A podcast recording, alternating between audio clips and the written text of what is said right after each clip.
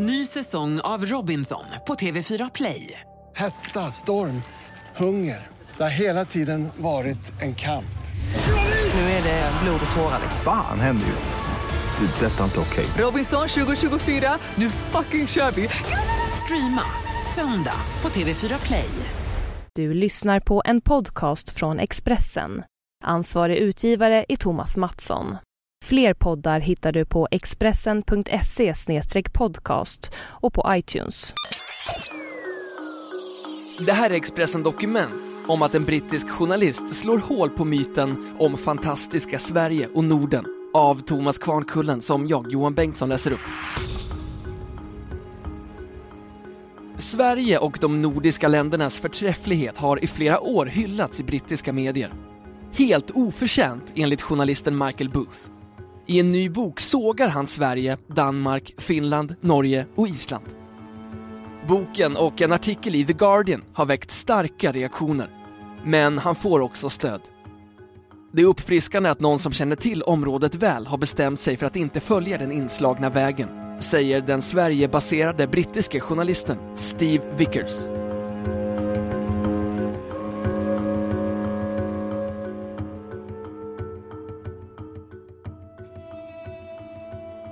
Den brittiske journalisten Michael Booth har bott i Danmark på deltid i tio år och är gift med en danska.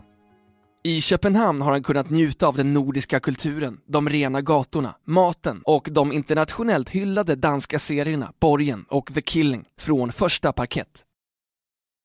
Men för Booth blev det för mycket när han en morgon fick läsa att danskarna var världens lyckligaste folk. Storbritannien hamnade på 44 plats. Han undrade om det var första april och kom fram till att bilden var helt fel. En artikel på samma tema som publicerades i The Guardian har nu väckt stor uppmärksamhet.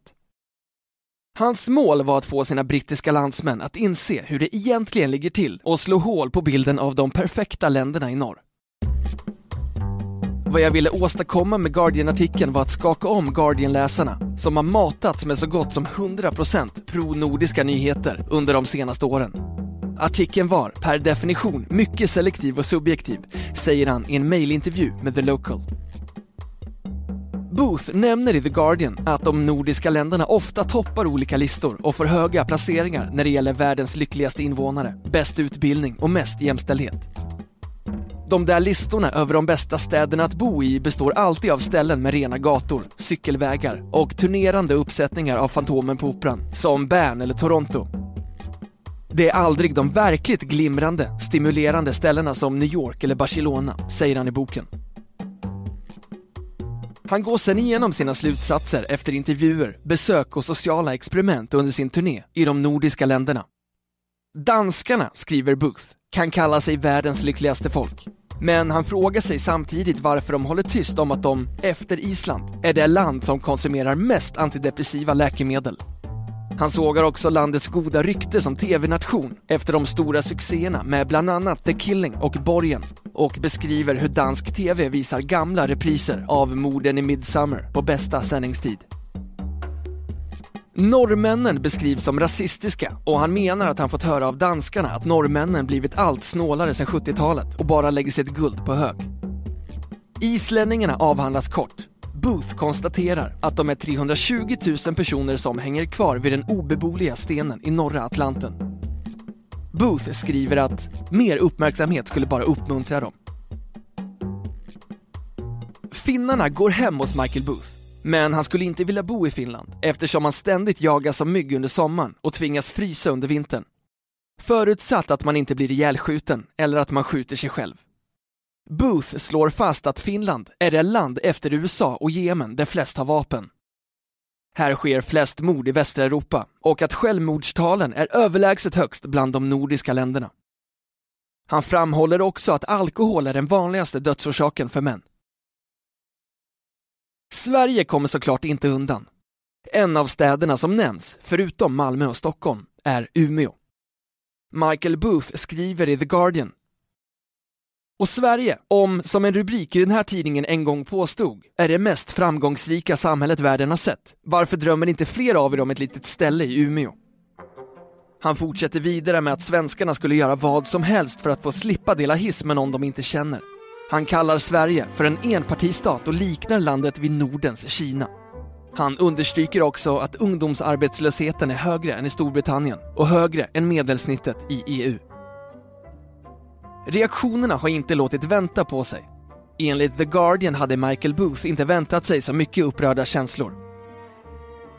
Finnarna var ganska coola, svenskarna petiga, men resignerade. Danskarna blev lite bråkiga.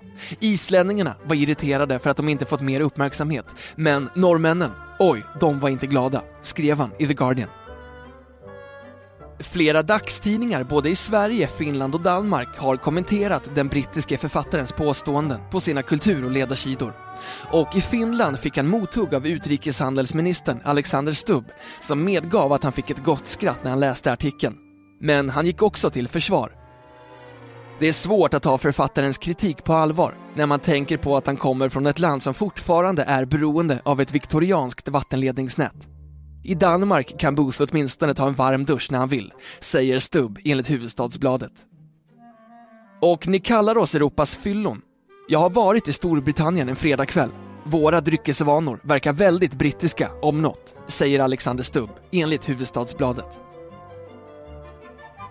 Den isländske författaren Eirikur Bergman sa i en kommentar i The Guardian Artikeln passade så väl in i den brittiska traditionen av en något etnocentrisk och ohyggligt ytlig journalistisk litteratur.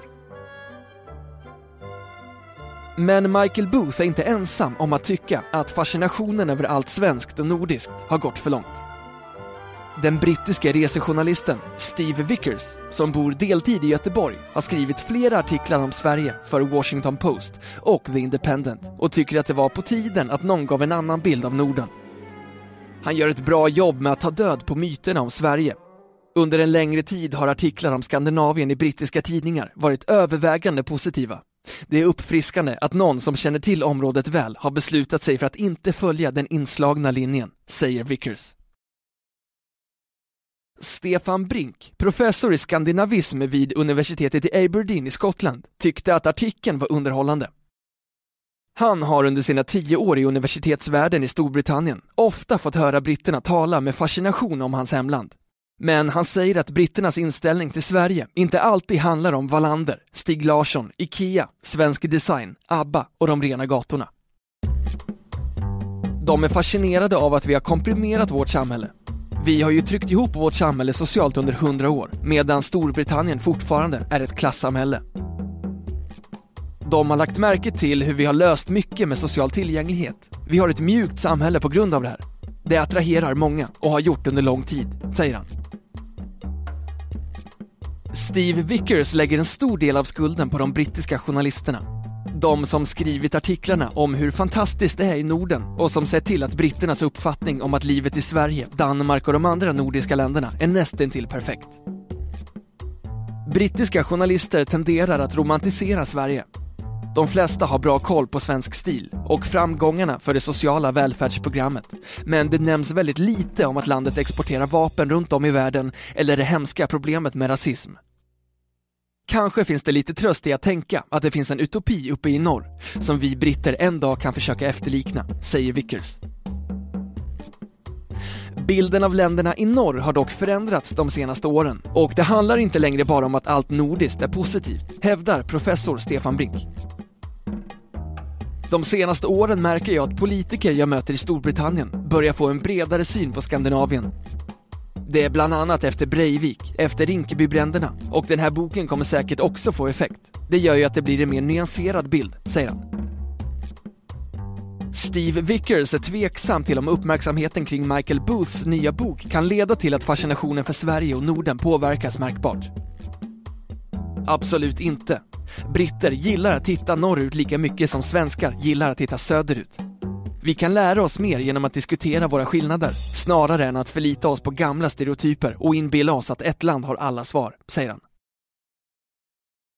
Den uppmärksammade författaren har inga planer på att flytta hem på heltid till Storbritannien, utan tänker bo kvar i Danmark. I The Guardian säger Michael Booth nämligen att det även finns sånt som man tycker är bra med livet i norr.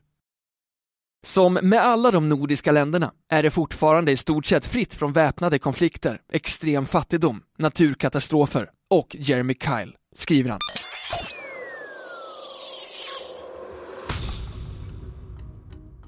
Du har lyssnat på en podcast från Expressen. Ansvarig utgivare är Thomas Mattsson. Fler poddar finns på Expressen.se och på iTunes.